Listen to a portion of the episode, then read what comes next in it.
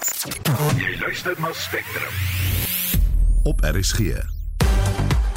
In die volgende uur internasionale handelsvennote dring aan op 'n naspeurbaarheidstelsel in die veebedrywe. Die openbare beskermer nader weer die hof om die parlementêre proses om haar te verwyder te keer en wêreldleiers verwelkom Emmanuel Macron se herverkiesing as Franse president. Welkom by Spectrum onder redaksie van Jean Estreisen. Die produksieregisseur is Daitron Godfrey en ek is Udo Karlse. Daar is geen verkeer. Goeiemiddag, ek is Annelien Moses met jou verkeersnuus. Ons begin in Gauteng, daar was 'n botsing op die N1 Noord voor die proefplaas Wisselaar en twee regterbane is versper. Daar staan 'n voertuig in die regterbaan op die N1 Noord na Linwoodweg. Dan in KwaZulu-Natal is daar padwerk op die N3 Wes voor die Paradise Valley wisselaar en die regterbaan is gesluit. En in Kaapstad was daar 'n botsing op die N2 stad uit voor Makassarweg en die linkerbaan is versper. As jy enige verkeersnuus het, stuur 'n SMS na 45889 teen R1.50 per boodskap.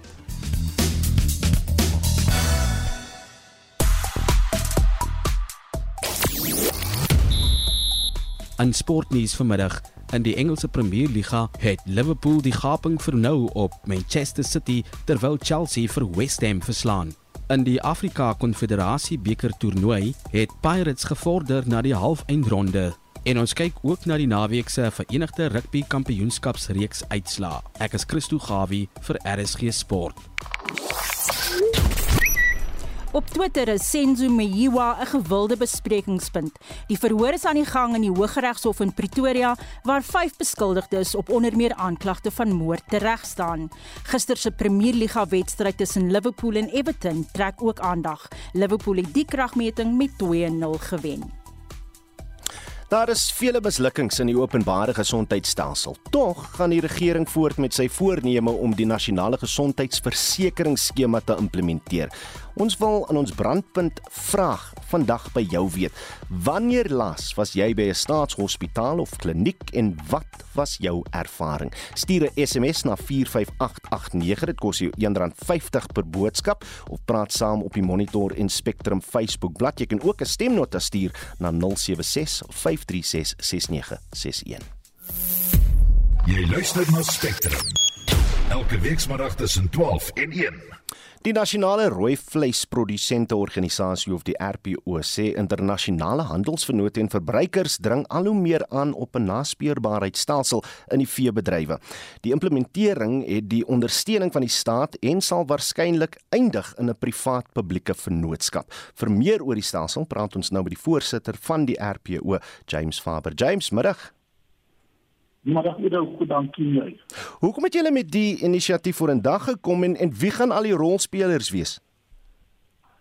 Oor ja, uh, ons kom al 'n tydjie saam hier wat daar gewerk word en van die staat se kant al word daar gewerk en van private organisasies werk ook al van toe na die af saam ons met mekaar gekom het aan Pretoria wat ons begin het om oor so stelsel te praat en die het die organisasie van ons vrae se op die klaster Dit is nie dat sommer aan die produsente kant dit is die wifi produsente die RPO die opkomende produsente merke en die abattoirs vereniging die abattoir manne en dan die voerkou manne die die die, die, safaardiere wat dan nou in die klaster is. In ons dan nou stel soldate probeer stel waarmee ons dan nou uh, naspeurbaarheid maar ook diere identifikasie. Jy het individuele diere identifikasie daar te kan stel. James, ek gaan jou vra om net so bietjie rond te beweeg want die lyn is nie die beste in die wêreld nie, maar ek weet jy kan my goed hoor. Uh, verduidelik dan net Dan sê verduidelik dan net hoe die stelsel in die praktyk eintlik gaan werk.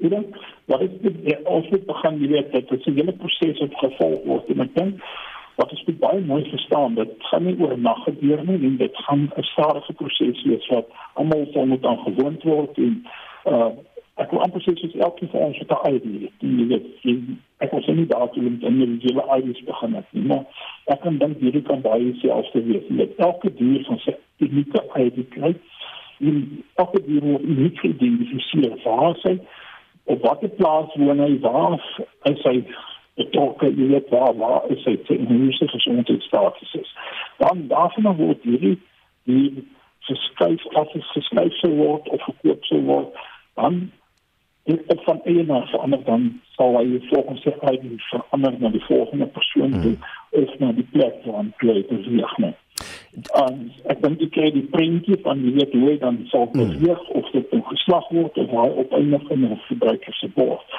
maar dit gaan ook daaroor om terug te kan naspeur as daar sê ek sit ek preek so sterk in klei dit kan weet maar as jy die veiling verkoop en die die is nou daai man se plaas toe met om met dit daar sou moet identifiseer. Ons kon nou weer by die back and closure uit, maar ek wil net vra produsente sal self vir die stelsel betaal, is dit nie net nog 'n bykomende gewig wat die boer sal moet dra nie?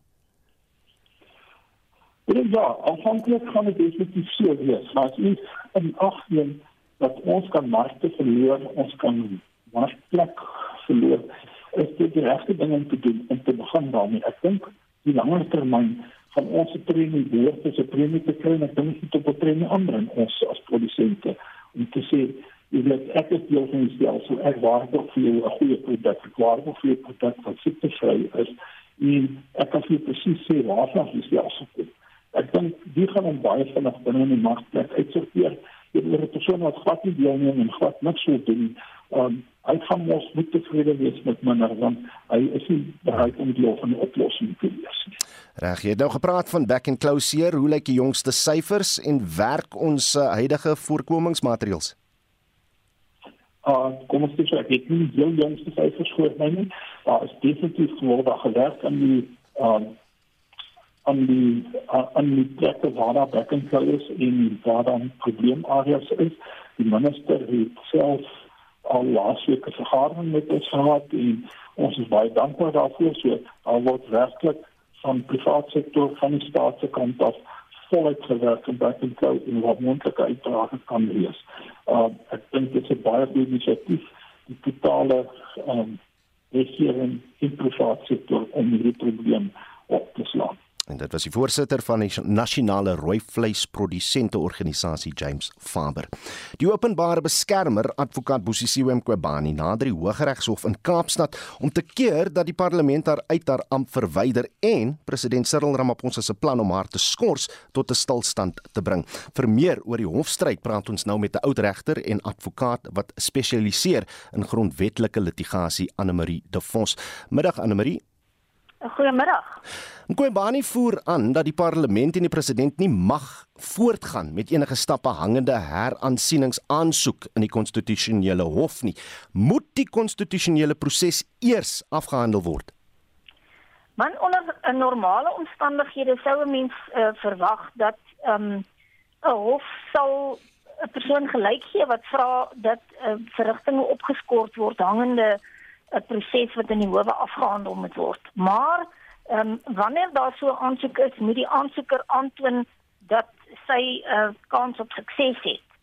So dit is nie 'n kwessie van moet nie, die hmm. vraag is of of die hof dit behoort te doen en ek meen onder die omstandighede is 'n uh, eh, Makubani se se aansoek van so 'n aard dat dit moeilik gaan gaan om iemand te oortuig dat sy 'n redelike kans op sukses het in die grondwetlike hof. Mm. So ek ek meen dat die parlement heeltemal reg besluit het om maar aan te gaan met die aansoek, ag met die ondersoek. Ek, ek kan ons dan net kyk na die proses in die parlement want die spreker Notsiviwe Mapisa Ngakula het vroeër die president in kennis gestel dat die proses om Mqobani in 'n staat van beskuldiging te plaas voortgaan. Sy vra nou, dis Mqobani vra nou dat die hof die brief onwettig verklaar. Is daar enige fout met die spreker se optrede? Nee, hoegenaamd nie. Ehm um, die brief soos wat die spreker uh, self gesê het, ehm um, sy het dit maar net vir Makobani ook gestuur ter ter jy weet uit ordentlikheid uit. Hmm. Die ehm um, na die uitspraak van die grondwetlike hof in Februarie vanjaar. Uh is die parlement heeltemal by magte om voort te gaan met die artikel 194 aansoek en om die waarheid te sê sou ek meen dit hulle plig om dit te doen. Indien 'n hof aansoek slag, wat, wat sou die gevolge wees daarvan? Wel dan word die uh, proses in die parlement natuurlik nou opgeskort hangende die besluit van die grondwetlike hof of hulle hulle uitspraak van Februarie ehm um, gaan roep of nie gaan roep nie. Ehm um, ek sal stom geslaan wees as hulle dit wel doen. wonder tog of jy 'n mening het wat wat is die beste manier om die saak te besleg sonder enige verdere skade aan die onderskei aan onderskeidelik die die openbare beskermer se kantoor en die presidentskap? Ek is van mening dat daar nie 'n metode is om nie uit te kom nie. Duidelik is die openbare beskermer ehm um, besig om te probeer met Stalingrad metodes in die in die stoel te bly en te keer laat die aansoek voortgaan. Mhm. Die die korrekte ding vir hom te doen as hy niks verkeerd gedoen het nie, is natuurlik dat die parlement aangaan met hulle ondersoek en dat hy onskuldig bevind word. Dit is mos die heel maklikste en heel uh, eenvoudigste manier om uit hierdie gemors uit te kom. En dit was uh, Anne Marie de Vos, 'n oud regter en advokaat wat spesialiseer in grondwetlike litigasie. Spectrum, jou middagnuusprogram op RSG. Die Franse president Emmanuel Macron het 'n koning gekraai in die presidentsverkiesing. Hy is die eerste dienende president in 20 jaar wat herverkies is. Macron het uh, kort na sy oorwinning oor die regsgesinde uh, Marine Le Pen onderneem om die Franse volk te verenig. Ons praat nou met 'n politieke ontleder verbonde aan Unisa, professor Joansi van Wyk. Uh, middag Joansi. Goeiemôre Oudo. In jou mening is dit 'n verkiesing wat die Franse volk verdeel het? Dit wil tog so voorkom want aanvanklik um, ons sal onthou dat net voor die verkiesing 2 weke voor dit was daar 'n baie belangrike debat en ook 'n eerste verkiesing dan nou wat dan nou gewys het dat dit die twee veral die twee vernaamste kandidaate Marine Le Pen en dan nou Macron wat uiteindelik gewen het baie naby aan mekaar is. Maar goed, dit het natuurlik nou die derde kandidaat um, uitges, uitgeskuif en natuurlik nou kans gegee vir Macron om dan nou sy verkiesingsveld tog um, te versnel en ook dan nou om in die debat met Marine Le Pen natuurlik nou om soort van gate in haar argumente te skiet en andersins. Maar ek dink ook die Franse het ehm um, is bewus daarvan dat daar 'n uh, regse beweging is in hmm. hulle land, dat daar is bepaalde probleme wat wat daar is en Macron het selfs met sy aanvaardingstoespraak het hy erken dat daar is verdeeldheid en dat hy aanvaar dat die die stemme wat hy ontvang het was nie noodwendig vir hom nie, maar ook ten gunste ag teen ehm um, Marine Le Pen. So hy is baie bewus daarvan en ons moet onthou dat politieke partye tipies dan nou meningsopnames deur private organisasies of hulle self dan nou doen om regtig waar agter te kom want 'n mens kan nie altyd bepaal hoekom um, mense gaan stem vir 'n bepaalde politieke party hmm. en hierdie tipe navorsing dui dan eintlik op die onderliggende probleme of vraagstukke aan. Ek wou nou net gevra het want want jy kan seker sy oorwinning beskryf as 'n naalskraap oorwinning, maar tog is die stempersentasie net oor die 70%. Dit dis 'n 'n baie goeie opkoms. Ja, vir vir 'n Europese verkiesing is dit besonder hoog en ons weet ook dat daar oor die afgelope jare is daar tog maar bietjie onttrekking van burgery van die politiek af. Ek dink die die pandemie het dit natuurlik nou ook bietjie weggevat en hierdie is een van die eerste groot sogenaamde kakie verkiesings in Europa. Dit is 'n verkiesing wat tydens 'n oorlogssituasie plaasvind en dit is dan nou eintlik ook 'n ehm um, goedkeuring van die manier hoe Macron homself dan ook op buitelandse beleid gehandel gehandhaaf het en die onderneming dan nou wat hy saam met NAVO en uh, die Europese Unie het om dan nou die krisis op te los.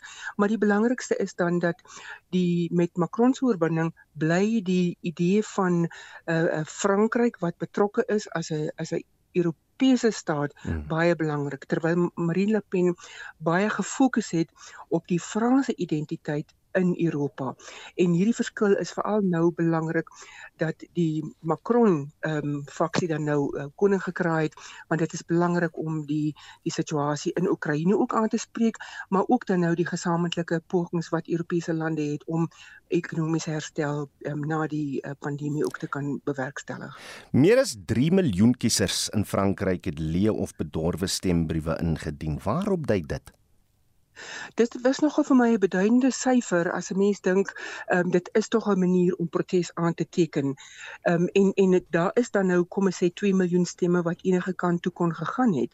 Nou enerzijds dui dit op die mense se burgerlike verantwoordelikheid dat hulle wel gaan stem, maar dan ons weet dan nou dat dat hierdie is 'n tipe van 'n protesstem en dat daar tog ook aanduidings is dat daar verskille is, dat daar verdeeldheid is daar daar in die die Franse bevolking soos wat ons ook voorheen nou gepraat het. Hmm. Maar dit is 'n uitsonderlike hoë syfer.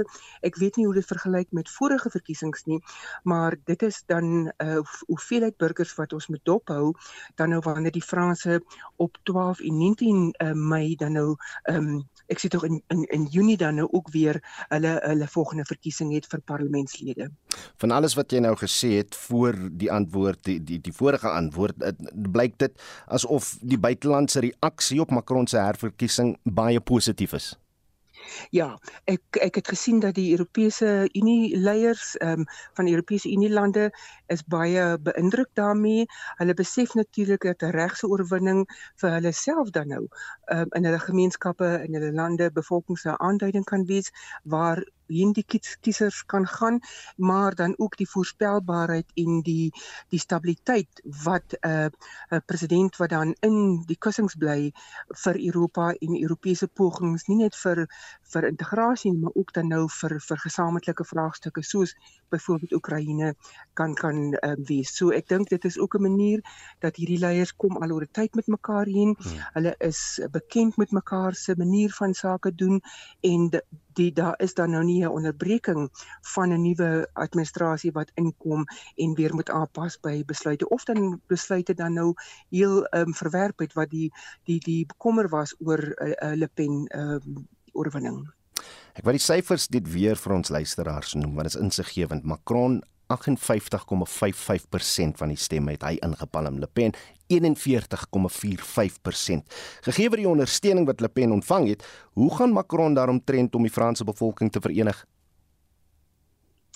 Die Franse het die voordeel dat hulle baie bewus is van die die die belangrikheid van hulle grondwet. Ons weet hulle is nou by wat ons noem die 5de republiek. Daar was sedert die aanvaarding van die huidige grondwet iets soos 24 ehm um, veranderinge wat aangebring is. So hulle grondwet is natuurlik 'n soos wat ons in ook 'n organiese dokument.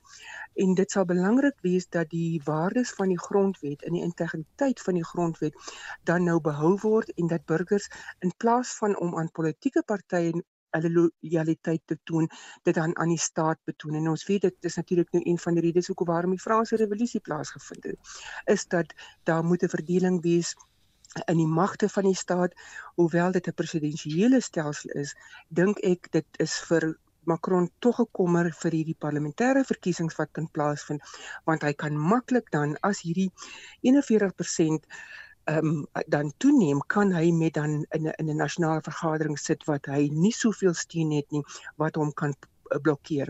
Maar dit dui tog ook daarop dat Frankryk het 'n verregse probleem Ja. en Macron sal moet met nie net ehm um, in terme van sy eie politieke party nie, maar hy sal moet sorg dat daar ehm um, oor grense heen dan nou saamgewerk word dat daar ekonomiese groei is dat die brood en kaas vraagstukke dan nou basies aangespreek word en hy kan natuurlik nou baie leer uit die veldtog wat Marine Le Pen ge, ge gehad het om te sien wat is die vraagstukke wat mense aangetrek het tot haar veldtog hmm. en natuurlik nou daarvan ook leer en dit inbring. So dit is 'n dit is 'n tyd maar ons weet ook dat die Europeërs het uh, vertroue in hulle in hulle instellings wat baie sterk is. Ehm um, en en ons sal nou sien uh, wat dan nou gebeur binne die volgende 5 jaar want Macron het nou 'n geleentheid om te bewys waarom hy dan nou die keuse moes gewees het en nie Marine Le Pen nie. En dit was professor Joansi van Wyk, politieke ontleder verbonde aan Unisa. Dit is vandag die tweede dag van die moordverhoor van die voormalige Orlando Pirates en Bafana Bafana kaptein Senzo Meyiwa wat in 2014 in Vosloorus doodgeskiet is. Vir meer oor die saak praat ons nou met ons verslaggewer by die Hooggeregshof in Pretoria, Pumzile Mlangeni. Pumzile, good afternoon. Afternoon, Udo. The state called its first witness today. Who was this witness and, and what has been the testimony thus far? Well, the witness is a Sergeant uh, Johannes Musia. He is a forensic field worker and he's based in Springs and he's been in the South African police for 16 years. So basically, what he has taken the court is this morning is through his photo album, uh, the photos that he took when he arrived at the scene. That was uh, shortly after midnight on the day of the shooting, which makes it the 27th of October in 2014, and he took some photographs and explaining uh, what they mean and all the, the, the each and every picture and explaining uh, their meaning. Well, basically, uh, he's taking us through that uh, as a field, as well as his sketch plans. Uh, he also drafted uh, some sketch plans, some sketches of the whole crime scene. Uh, we had taken a break, but he's back now on the stand where he is uh, basically starting to take us through and what he did when he arrived at the scene and what had taken place. So uh, I, I think we're still at the beginning, mm. very much beginning uh, of his testimony. I, I was just going to ask: is, Has anything stood out for you, or is it pretty much a procedural uh, bit of testimony for things yet to come, yet to be presented in court? Well, for now, I just think they're laying the ground, they're laying the foundation. He's just basically giving us what he found. Uh, he did mention that amongst the things he found in the house was a head, uh, the head that has been featured quite a, a lot of times. We've seen uh, the, during the identity parade, they said one of the suspects was wearing that head. There was a mm. grey walking stick that was also discovered, as well as fragmented bullets that were discovered uh, behind the kitchen door, as well as uh, they found on the kitchen counter behind some glass jars on the following day. So basically, he's just laying the foundation. Yeah. But we will, it seems, get so much uh, from him uh, during his testimony because he seems to have been the one who discovered some of these things and was one of the people to be uh, on the crime scene on the day of the event. Mm, I was just going to say, by now, so many South Africans have seen the documentary already, so everybody was looking forward to see if that the, the picture of that hat was going to be presented in court mm-hmm. today. But but uh, just in wrapping up, has the state revealed who amongst those present on the night of the murder will be called to testify? Well, Udo, during uh, last week when the state was outlining its, its case, it did mention that to those who were in the house, will be among those that we will call to testify by the state, but they did not reveal names. We know there were about six people, if I'm not uh, wrong, I stand to be corrected in that house. Mm. And we've seen today in court something that actually stood out was the uh, of Kelly Khumalo, who we know as Senzo was ex-girlfriend. She has been attending uh, court. Magdalene Mani has been attending court proceedings on a watching brief just to monitor what comes out and whether her client gets implicated. But uh, the defense has raised this last week as a concern that she cannot be in court when her client might mm. be called by the state. And as well today, uh, they started in the judge's chambers, and it seems they all agreed, including the state, that she should not be part of the proceedings due to her client, uh, you know, might be called yeah. uh, to come and testify. So basically, we do expect quite a lot of people. Uh, Sergeant is a witness for this. So how many has long I, I think we're going to have to call it there. Very interesting development, but the line fading on, on us. En dit was ons verslaggewer by die Hof Pumzile Mlangeni.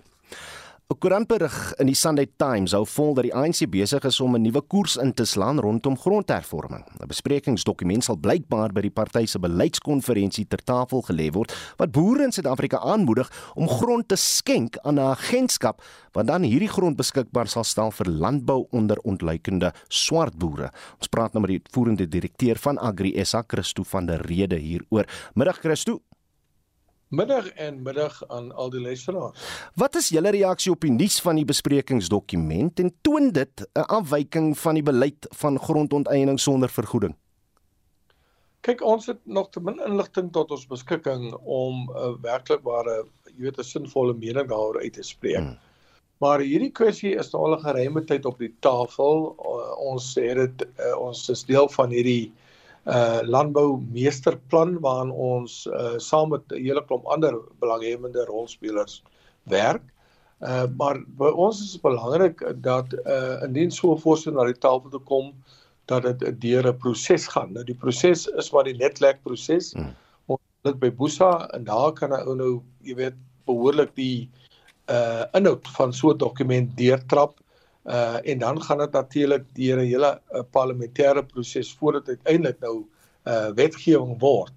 Want dit is belangrik, jy weet dat dit uh met uh verband hou met van hierdie artikels uh, wat deel vorm van artikel 25 in die breë.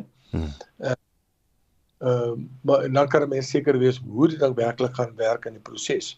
Want dis nie iets nuuts nie. Hmm. Baie boeke, jy weet, ma, uh, het al reeds ekstra plase gekoop Hulle het uh, grond ook al beskikbaar gestel. Uh maar die groot vraag is dan wat kry die boer in ruil daarvoor? Want jy gee 'n deel van jou bate weg in die proses. Mm -hmm. En moet dan sekere uh voordele kan benut uh, in uh, dis die dit is waaroor gesprek behoort te gaan.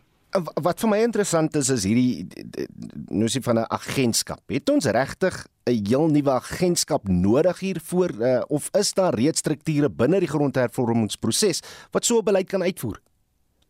Kyk, daar is 'n uh, bestaande waardeerder-generaal, daar is ook 'n waarderingsproses wat uh, aan die gang is. Uh, Agriesa het 'n sleutelrol gespeel om die waardeerder-generaal se metodologie wat hy gebruik om die waarde van eiendom te bepaal om dit in die hof teen te staan.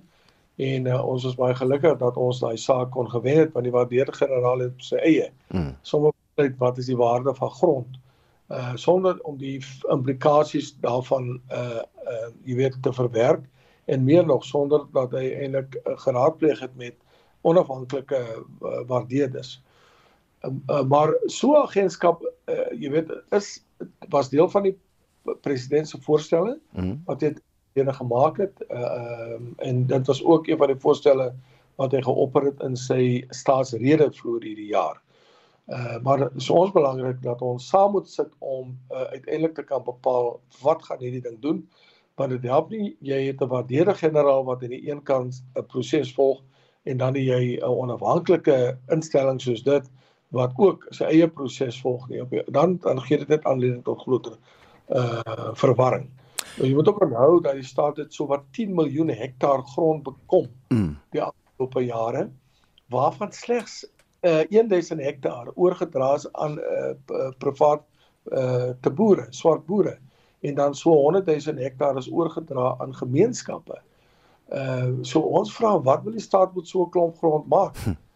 As so 'n uh, agentskap in werking tree, uh in uh, in daai agentskap het op beheer oor grond en jy eindig met dieselfde situasie op waar die staat met die grond gaan sit dan sit ons met 'n geweldige probleem want staatsgrond en staatsbesit het eintlik 'n uh, baie lae kollaterale waarde.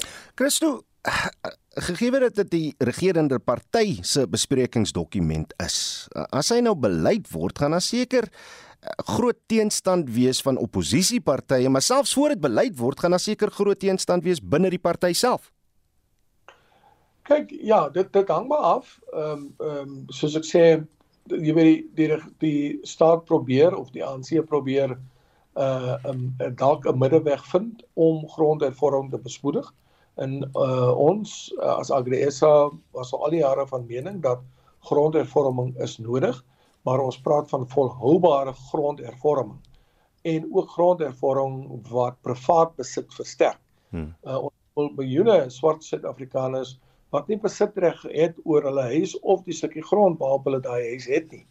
Uh en dit is net deur middel van uh eienaarskap, die verbreding van eienaarskap en die verbreding van uh uh titelaktes uh die uitbreiding van titelaktes en die oordrag van titelaktes aan miljoene mense wat jy werklik welvaart skep in die land. Want deur middel van titelaktes kry grond onmiddellik waarde uh en en dan kan 'n persoon gaan leen teen daai grond hmm. of gaan leen teen daai huis om of verbeterings aan te bring of om die geld vir een of ander doelwit aan te wend. En dit was Christo van der Rede, die uitvoerende direkteur van Agri SA.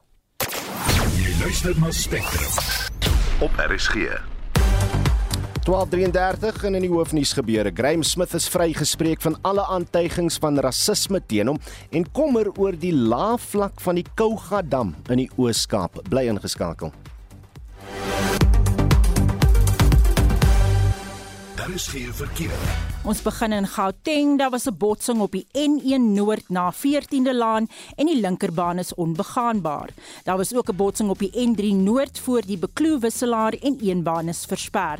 Dan staan daar 'n vragmotor in die linkerbaan op die N12 Oos voor die Elektron wisselaar.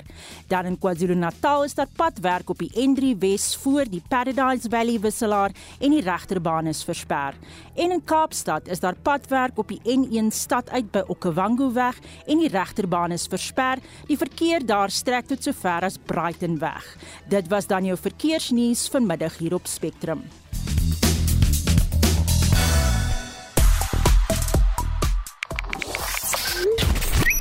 Mense gesels op Twitter oor Richard Ofori, die Orlando Pirates speler wat eers 'n strafdoel gekeer en later self 'n doel vir sy span aangeteken het. Intussen is die renjaer Lewis Hamilton 'n warm onderwerp na sy nederlaag tydens gister se Imola Grand Prix. Nou ons wou vanmiddag by jou weet wanneer laas was jy by 'n staatshospitaal of kliniek en wat is jou ervaring? Op die SMS lyn het 'n anonieme luisteraar die volgende boodskap gestuur. As mens praat van swak diens in hospitaal, kom de aard toe. My niggie het 3 maande gewag met gebreekte heup. Hulle het haar laat honger ly. Frans van der Makwaland SMS ek is 'n kroniese pasiënt en kry elke maand my medikasie daar verniet want daar is geen manier hoe ek enige ander mediese hulp kan bekostig nie. Jy wag baie lank maar die moeite werd en ek kry elke tweede jaar 'n nuwe bril ook verniet. Goeie diens vir geen geld. Op Facebook skryf Fatilla Koopman van Appington baie swak diens. By klinieke moet mens heeldag wag om gehelp te word. As jy 'n afspraak het om uh, en jy kom daar, dan is daar nie personeel om te help nie of die stelsel is van lyn af. Veral ons mense wat baie ver bly van klinieke of hospitale af en vervoer is 'n probleem want baie mense het nie geld om 'n ryding te huur nie. Amanda Matthews skryf ek is baie tevrede met Edendale Hospitaal in Pietermaritzburg. Goeie behandeling, baie skoon en vriendelike personeel personeel. Jackie Fick sê 3 weke terug by Bayswater Kliniek in seker in Kleiberga, uh, jy wag maar baie behulpsaam. Pieter de Tooi skryf Wakkerstroom se kliniek baie baie goed, behulpsaam en baie skoon en Magda Pina Reinhardt is van mening sekere staatshospitale in die Wes-Kaap sou beter gevaar het as daar meer mediese personeel soos dokters en verpleegsters was in vergelyking met pasiënte. Dankie dat jy saamgepraat het.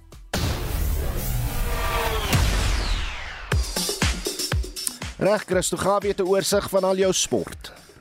Goeiemiddag. Liverpool het die gaping op die Premier League leiers Manchester City tot 1 punt vernou toe die vierdubbele jaars Everton dieper in relegasie moeilikheid gedruk het met 'n 2-0 oorwinning terwyl Chelsea vir West Ham met 1-0 geklop het om hulle top 4 angs gister te verlig.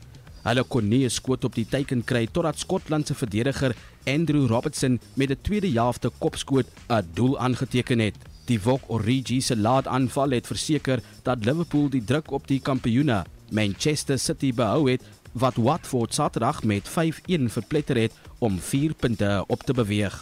In die naweek se Afrika Konfederasie beker toernooi het die Ghanese Richard Ofori en Kwame Petra sleutelrolle gespeel toe die Suid-Afrikaanse klub Orlando Pirates gister die Afrika Konfederasie beker halfeindronde gehaal het met 'n strafdoel oorwinning oor die Tansaniese besoeker Simba. Pirates het 'n tweede been in die kwart eindstryd met 1-0 in Soweto gewen danksy 'n kopdoel van die voorspeler Petra. Anders as in Europa waar daar eers na ekstra tyd gegaan word, is reguit na strafskoppe gegaan en Pirates het die kragmeting 4-3 gewen met die doelwagter Ofori wat die doel wat Pirates deurgebring het verdoel het. Die naweek se Verenigde Rugby Kampioenskapskragmetings het reeds Vrydag aan begin met die Stormers wie Glasgow Warriors in Kaapstad geklop het met 32-7. Die Sharks was Saterdag teen die voorlopers Leinster in aksie met 'n oorwinning van 28-23. Die Lions het vasgeval teen Connacht met 33-30 terwyl die Bulls afgereken het met Benetton Rugby en geseëvier het met 46-29. Op die algehele punteleer is Leinster steeds in eerste posisie met 60 punte en die manne van Kaapstad in tweede posisie met 52 punte, terwyl die Bulls en Sharks in sewende en agste posisie onderskeidelik is. En dit was Christo Gawie van RSG Sport. Ons bly by sport, maar kyk na een van die groot ontwikkelende stories vandag. Want die voormalige direkteur van Cricket in Suid-Afrika, Graham Smith, is laat gisteraand vrygespreek van alle aantuigings van rasisme teen hom. 'n Tribunaal is op die been gebring om bevindinge deur die maatskaplike geregtigheid en nasiebou netwerk te besleg. Onafhanklike advokate Nwako Manetje en Michael Bishop het na onderhoude met Smith en sy getuies bevind 1 dat daar geen bewyse is waarop vasgestel kan word dat Smith op 'n rassistiese manier opgetree het teenoor die voormalige paadjiewagter Tammy Tsolokile nie. 2 ook dat daar geen bewyse is van rassistiese houding teenoor die leierskap van Cricket Suid-Afrika nie en 3 dat sy aanstelling van Mark Boucher in plaas van Enoch Nkwe as breier van die Mans Protea span nie aangehits is deur 'n rassistiese houding teenoor Nkwe nie. Nou Smit se termyn as direkteur van Cricket het wel einde Maart verval, maar wat beteken die tribunaal se bevindinge vir hom? Ons het by Cricket skrywer en SAIK Cricket ontleder kan Sotswaku gaan uitvind. Graham Smith did the most professional thing in terms of going through this particular tribunal that has actually cleared him. So him being cleared means that he should and could and should be able to come back in any different consultancy role. But I suspect that the current board will look at qualifications and experience um, far more thoroughly as compared to the previous board that hired Smith based on his playing experience. And the process was necessary one. It's cleared his name more importantly. And I think he may not want to be in a in, in a role at CSA right now, but he is in a position where now he can still be employable in any form of cricket around the world. Die proses om Smith se plaasvervanger as direkteur te vind is reeds in volle swang. Remember that the position was advertised and Graham Smith's contract ran up until the 31st of March and he chose not to apply. The process was open for him to reapply and he chose not to reapply. So now they are going through a shortlisting process. So I think in that shortlisting process, they are also um, they also hired an external company um, to deal with that particular matters to expedite the process. Daar is wel 'n tribunaal wat voor lê vir die hoofafrigter van die Mans Protea span Mark Boucher wat op die 16de Mei afskop. His one is going to be tricky in that he had an opportunity to testify at the SJN hearings, which he didn't do so. And one suspects that had he testified, we would have gone down this process because um, that would have been the contrition that um, would have been requested by advocate Dumisa Nsebeza. However, it's going to be interesting to see how that one will pan out because the report had a story in that that said he's lost the first round in that there were particular documents he has required he required for the hearings um, that is not is not able to get access to. So it's going to be interesting to see one who will testify and how they will testify and whether that particular proceeding will be made open to the public. Dit dan die stem van cricketskrywer en SAIK cricket ontleder kan hierso swaku Jy luister na Spectrum. Op RSG. Navorsing deur die Wêreldgesondheidsorganisasie toon dat meer as 600 000 mense in 2020 in Afrika aan malaria gesterf het. In dieselfde jaar is 241 miljoen gevalle uh, gevalle wêreldwyd aangemeld. Vandag op internasionale malaria bewusmakingsdag plaas ons die fokus op die siekte wat oorgedra word as 'n mens deur geïnfekteerde muskiete gebyt word. Vir meer hieroor praat ons nou met Dr Tanesha Kreer, 'n navorser en koördineerder vir die Universiteit Universiteit van Pretoria se Instituut vir Volhoubare Malaria Beheer. Dok, goeiemôre. Goeiemôre. Hoe groot is die voorkoms van malaria tans in Suid-Afrika? Weet jy in Suid-Afrika is ehm um, wel Suid-Afrika word geklassifiseer as 'n lae risiko area, so daar's aansienlik minder as wat in ander dele van Afrika voorkom, maar dit is tog steeds 'n uh, bekommernis, ehm um, veral uh, malaria wat oor ons grense van of ons uh, buurstate af inbeweeg. Ehm um, dit is nogal 'n probleem, ehm um, maar ons ons land se ehm um, regering werk harde aan om beheer uit te oefen op hierdie probleem. So men watter watter gevare hou die siekte in en, en, en veral is dit nie onmiddellik behandel word nie. Oké, okay, so malaria oor die algemeen se simptome is ehm um, baie soos jou griep simptome, ehm um, byvoorbeeld uh, jy kry ehm um, uh uh hoofpyn, uh, hoofpyn, tamheid, moegheid, naarheid, spierpynne, koue koors en partykeer selfs diarree, maar meerderheid van die geval is dit 'n hoë koors en dit is um, die een van die grootste probleme as malaria nie so gou as moontlik behandel, wel um, um, behandel word nie, dan sal jy kry dat hierdie um, siekte simptome net erger kan raak en uit, uiteindelik kan dit tot die siek, uh, tot die dood toelei. En ehm um, ja, so as die mense nie dadelik behandeling kry of ten minste laat hulle kyk of die mense malaria het nie, gaan vir 'n toets, dan is dit uiters gevaarlik want dit gebeur eintlik baie vinnig. Ja, vir diegene wat ons wildreservate gaan uh, besoek, ons weet malaria is veral algemeen in provinsies soos Limpopo, Mpumalanga en KwaZulu-Natal, maar beteken dit dat die res van die land, die res van ons uh, gerus moet wees hieroor? Weet jy, ehm um, daai uh, die malaria muskiete wat malaria kan oordra kom in uh, meer van die provinsies wel voor. Die probleem is net hulle is nie hulle het nie die uh, parasiet nie. Die parasiet moet ook voorkom. Dis nie net 'n muskiet nie. Die parasiet moet ook voorkom. Die vektor of die muskiet dra die parasiet oor. So as altyd daai organismes wel in 'n area voorkom, dan is dit problematies. Dan het jy ook natuurlik aspekte soos ehm um, klimaat en um uh, lugvolg ensovoorts wat belangrik is vir um al twee organismes se lewensiklus om dan heeltemal te voltooi ensovoorts. So die ander provinsies moet nie te gemaklik wees nie. Iemand van um 'n malaria area kan in daai provinsie inbeweeg en dan eers siekte simptome ook wys mm. wat dan natuurlik 'n probleem is. So um ja, dit is nogal moeilik in provinsies waar malaria nie oor die algemeen voorkom nie want dokters weet nie altyd om te toets vir malaria. Hmm. Ek het nou in die inleiding gesê 600 000 mense in Afrika is uh, in in 2020 aan malaria oorlede. Is dit 'n ja. hoë syfer in vergelyking met die res van die wêreld of hoe? Sien net weer daai getal asseblief. 600 000 mense in 2020 in Afrika in Afrika. Nee, kyk, dit is daai is die globale ehm um, hoeveelheid. So dit is reg oor die ehm um, wêreld is drie getal gewees, maar in Afrika is dit as ek nou reg onthou, is dit 96% van daai getal is sterftes in Afrika mm, self. Okay. In ehm um, Sub-Saharan Afrika. Ja, so ehm um, wêreldwyd uh, soos ek sê Afrika dra die uh, meeste um malaria gevalle of het die meeste malaria gevalle en sterftes. Um maar weet jy daar is probleme soos in Asië kom malaria ook nog voor en en wat wat wat erg is is al ons metodes wat ons gebruik om om die vektor te beheer en om die parasiet te beheer is daar nou besig om uh, weerstand teen hierdie middele um gevind te word in jou parasiet en in jou vektor. Wat beteken dit wat ons op die oomblik doen is nie meer so goed soos wat dit altyd gewerk het nie. Ons moet alternatiewe vind. Hoekom sukkel ons in Afrika meer as die res van die wêreld met malaria?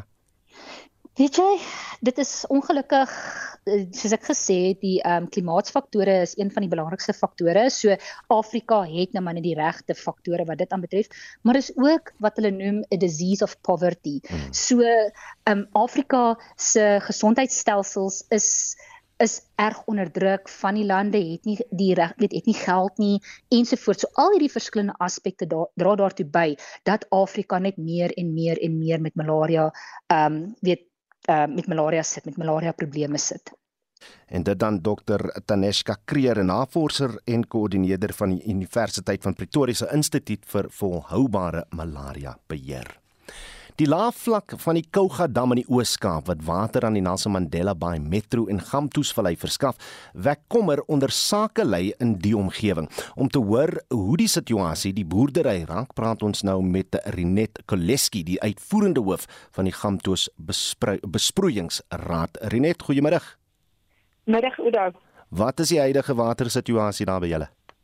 Oudo, vanoggend staan Kouga dam op 13.3% maar ek moet daarom sê dit is redelik beter as dit wat dit was presies 'n jaar terug toe was dit op maar op 4.6%.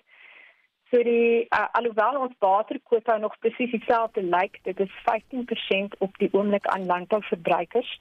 Het ons daarom so 'n bietjie van 'n beter vooruitsig wat aanbetref uh, die nuwe waterjaar wat dan nou op die 1 Julie aan uh, begin. Sê my watter waterbeperkings en toekennings geld nog vir ons boere? Dit is ek genoem het 15% eh, op 'n kwota van 8000 kubiek.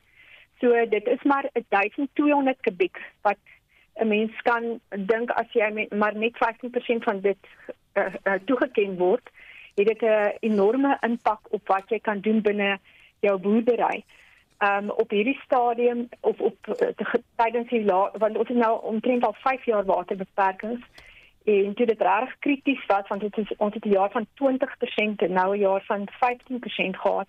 Het baie van ons landbouverbruikers begin om grondwater te ontwikkel.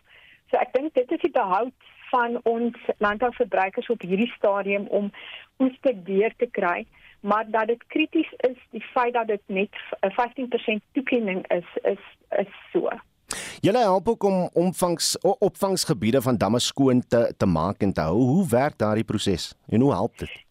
Ja, weet jy ons is 'n diensverskaffer vir die departement van omgewingsake. So, um, ons is al betrokke met hierdie proses al vir omtrent 20 jaar of langer. um spesifiek in ons opvanggebied wat nou die kou die die Kouga is en ons werk ook in die Krom. Dis maar twee van die projekte waaraan ons werk. Um is ons sedert 96 al betrokke. Nou wat ons daar doen, ons um verwyder uit uitheemse plante. Ons het ook 'n vlei land projek waar dan nou die rehabilitasie van ons vlei lande bevorder en ons doen redelike um goeie ons doen natuurlik goeie werk daarso maar alles is daar om dan nou uh, te rehabiliteer maar ook dan nou om op die ouend water meer water te in jou opvanggebied in jou jou bron te laat inloop. Hmm. Hoe lyk die watervooruitsigte vir die komende paar maande? Wel, en dan van die weer is is dit nie belovend nie. Maar ehm um, wat ek wel kan noem is dat die departement se besluitnemingsdatum vir beperkings word gewoonlik op die vlakke van die bronne geneem op die 1ste Junie. Hmm. En ehm um, dit is natuurlik hoër as wat dit laas jaar is en jy kan die aanname altyd maak dat daar water in jou bron inloop ongeag of dit dan nou reëntydperk is of nie. So ons hoop vir 'n hoër ehm um, toekenning as die 15%. Ek glo reg dit behoort te wees en dan kan dit 'n uh, eh, bietjie uh, verligting aan ons uh, landbouverbruikers ook gee. Hmm. Uh dat hulle as indien hulle want die die ander realiteit is is dat jou waterkwaliteit wat uit jou dam uitkom beter is as die waterkwaliteit wat jy op hierdie stadium kan ehm um, harvest uit jou jou grondwaterbronne. Dit is ongelukkig die realiteit waarmee ons sit in die Gamtoesvallei. En dit was Renet Koleski en sy is die uitvoerende hoof van die Gamtoes Besproeiingsraad. Vir die jongste oor die finansiële markte sluit Nikki van der Merwe nou by ons aan en sy is 'n portefeuljebestuurder by Netbank Korporatiewe Beleggings. Middag Nikki. Goeiemiddag Udo en luisteraars.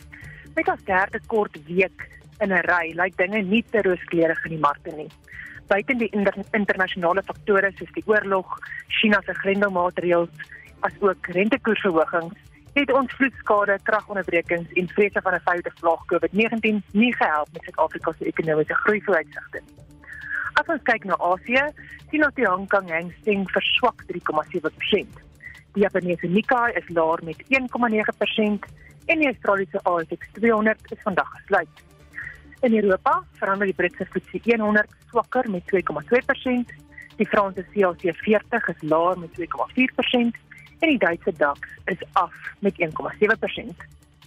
Laaslik verander ons algehele indeks laer met 3,1% teen 70009 punte.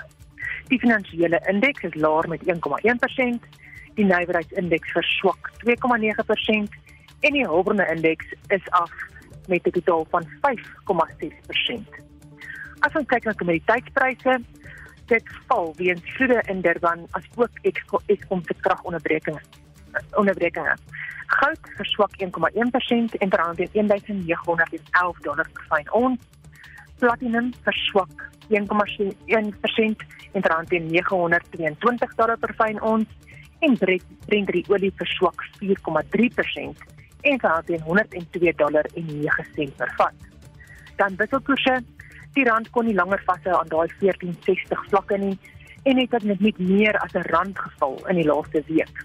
'n Dollar verhandel teen R15.71, 'n pond verhandel teen R19.98 en 'n euro verhandel teen R16.86.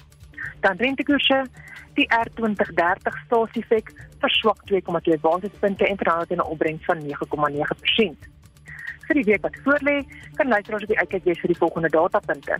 Die produsente prysindeks wat na verwagting sal styg na 10,7% jaar op jaar as gevolg van hoër oliepryse sowel as onderbrekings in die produksielyne. 'n Stygings in private sektor kredietsyfers van tot 5,53% sowel as maandelikse begrotingsbalans van die tesourier waar die konsensus in die mark is dat daar 'n tekort sal wees van 30,5 miljard rand.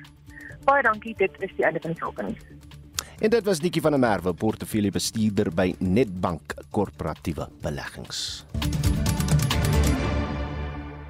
Kom ons keer terug na 'n storie oor ons water en inwoners van De Wetsdorp in die Vrystaat beweer dat watertanks vir die afgelope 3 maande leeg is omdat werknemers van die Mangaung Metro staak. Hulle sê hulle moet lang afstande loop om water te gaan haal. Joan Marie Verhoef doen verslag. Die 60-jarige Manjatso Langman sê daar is gereeld watertekorte in die omgewing en haar familie moes hul eie pittoilet grawe.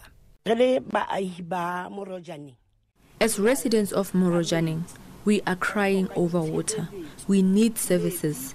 We struggle for water. We struggle for toilets. We struggle with refuse collection. They come whenever they want. We don't know their reasons. De Wetsdorp het voorheen onder die Naledi plaaslike munisipaliteit geval wat in 2016 ontbind is en is nou onder die Mangaung Metro. Inwoners sê sedertdien het dienslewering agteruit gegaan. We walk long distances when there is no water in this area. And at that time, I'm not well. Carrying water like this daily makes us sick. I don't even have children. I'm just like this. It's not a good thing that we do not have water. We have not had water in a long time. Rekwito Klabe van die burgerlike organisasie Sanku sê die metro moet sy diensleweringsplan aanpas. It has been long time, very very long time without people getting water at this site. So according to me, I think if the municipality can give proper service delivery, assist people with their services of water, daily basics every day, that thing can assist us. And we also want them to be able to do their work uh, properly without anything. Die Naledi voorsitter van die Mangaung Service Delivery Forum, Madolo Lebaka, sê die ANC se interne magstryd het begin om dienslewering te beïnvloed. We have handed over several memorandums without receiving any response. We have tried to get solutions, working together with Senko. We ended up realizing that instead of moving forward, we are moving further backwards.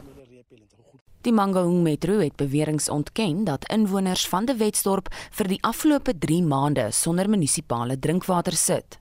Die woordvoerder, Kondile Kedama, sê beurtkrag en onbeplande kragonderbrekings veroorsaak dat watertoevoer na die gebied onderbreek word.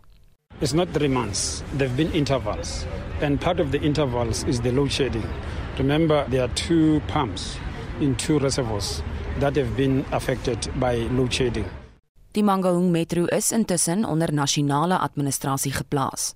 Kedama sê die nuwe administrateur sal help om dienslewering te verbeter. Die verslag deur Kamogelo Sekwi in De Wetsdorp. Ek is John Marie Verhoef vir SAK nuus. Nou kom ons bring hy stem nou terug want dit is nou tyd vir 'n opsomming van die dag se nuusstories met Joni M.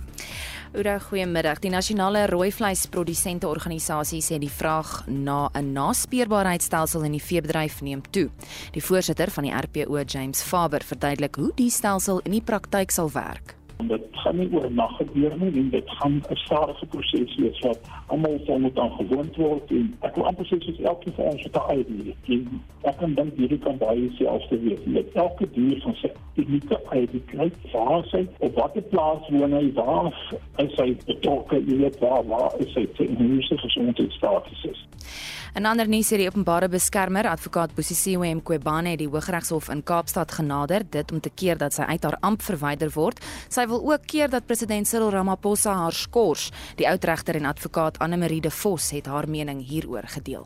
'n Hof sal 'n persoon gelyk gee wat vra dat verrigtinge opgeskort word hangende 'n proses wat in die howe afgehandel moet word. Maar wanneer daar so 'n aansoek is, moet die aansoeker aantoon dat sy 'n uh, kans op sukses het. So ek meen onder die omstandighede is Makobane se aansoek van so 'n aard dat dit moeilik gaan gaan om iemand te oortuig dat sy 'n redelike kans op sukses het. Intussen sal president Cyril Ramaphosa ook na verwagting vandag die 4de deel van die staatskaping verslag van hoofregter Raymond Zondo ontvang. Die politieke ontleder Theo Venter vertel wat ons kan verwag. Verlede week het regter Zondo gevra vir 'n uitstel van nog 6 weke vir die finale verslag van die Zondo-kommissie, maar aangedui dat ons vandag die gedeeltes oor Eskom en oor die Vrystaat en oor staatskaping met betrekking tot nasionale tesourie kan verwag. En Eskom waarsku dat die kragnetwerk onder druk is. Beerdkrag is nog nie ingestel nie, maar ons ken die patroon. Hmm, John Marie met 'n blitsopsomming van die dag se nuus. Gebeur onthou om in te skakel vir Brandpunt omstreeks kwart voor 6. Dan groet ons namens ons uitvoerende regisseur Nicoline de Wee, die redakteur vandag Jean Estreisen en die produksieregisseur is Daitron Godfrey Ekkes. Udo Karel se geniet jou middag in die geselskap van RSG.